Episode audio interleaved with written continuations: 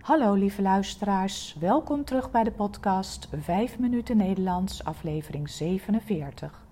Het is vandaag woensdag 21 juli 2021. Als je de tekst wilt ontvangen van deze podcast, stuur dan een e-mail naar 5minutennl@gmail.com of kijk op petjeaf slash 5 minuten Nederlands. Mijn naam is Carolien, ik ben taaldocent op de universiteit en woon in Leiden.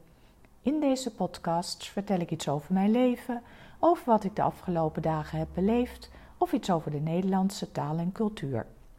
Aflevering 47. Zomer in Nederland. Bijna alle scholen in Nederland hebben vakantie. Regio Noord was het eerste. Vorige week was regio Midden aan de beurt en aanstaande vrijdag is het ook zomervakantie voor regio Zuid. En juist in die regio begint de zomervakantie niet zo erg fijn. Weten jullie nog dat mijn podcast twee weken geleden over dijken en duinen ging? Ik had toen niet kunnen vermoeden dat er vorige week enorme overstromingen waren in delen van Duitsland, België en Zuid-Limburg. Door de heftige regenval in die gebieden waren rivieren in kolkende watermassa's veranderd en braken de dijken op diverse plekken door. Veel mensen moesten plotseling hun huis uit. Het water heeft in sommige dorpen wel meer dan een meter hoog in huis gestaan. En dan moet je bedenken dat dit geen schoon water is, maar heel vies bruin modderwater. In België en Duitsland zijn ook mensen omgekomen omdat het water zo snel omhoog kwam. Wegen zijn weggespoeld, waardoor de hulpverlening maar moeilijk op gang kwam. Wat een ramp! Wat ook niet goed gaat in Nederland is het aantal coronabesmettingen. Een paar weken geleden zijn veel maatregelen versoepeld en gingen jongeren weer massaal feestvieren zonder te denken aan de anderhalve meter. Met als gevolg dat het aantal besmettingen opeens weer heel hard is opgelopen. Nederland staat dan ook weer rood op de kaart. Dit is natuurlijk lastig voor iedereen die op vakantie wil.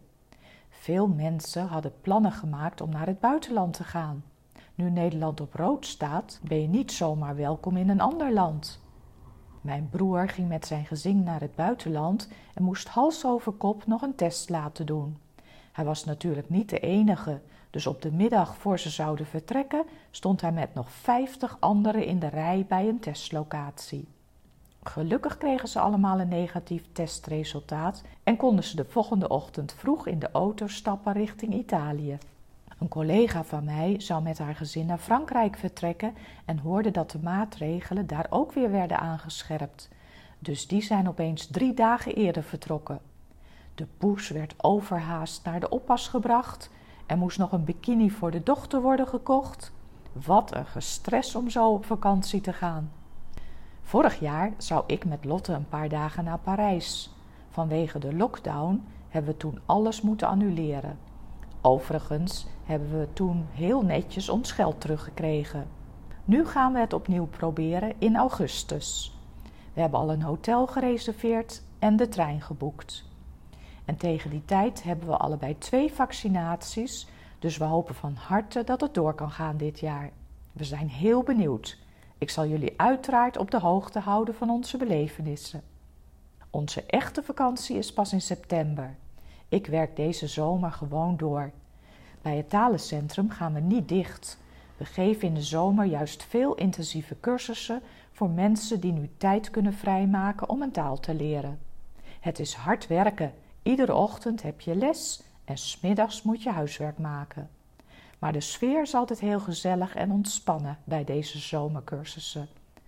Een gezellige wandeling of picknick in het park kan nog niet dit jaar, maar hopelijk volgend jaar zomer wel weer.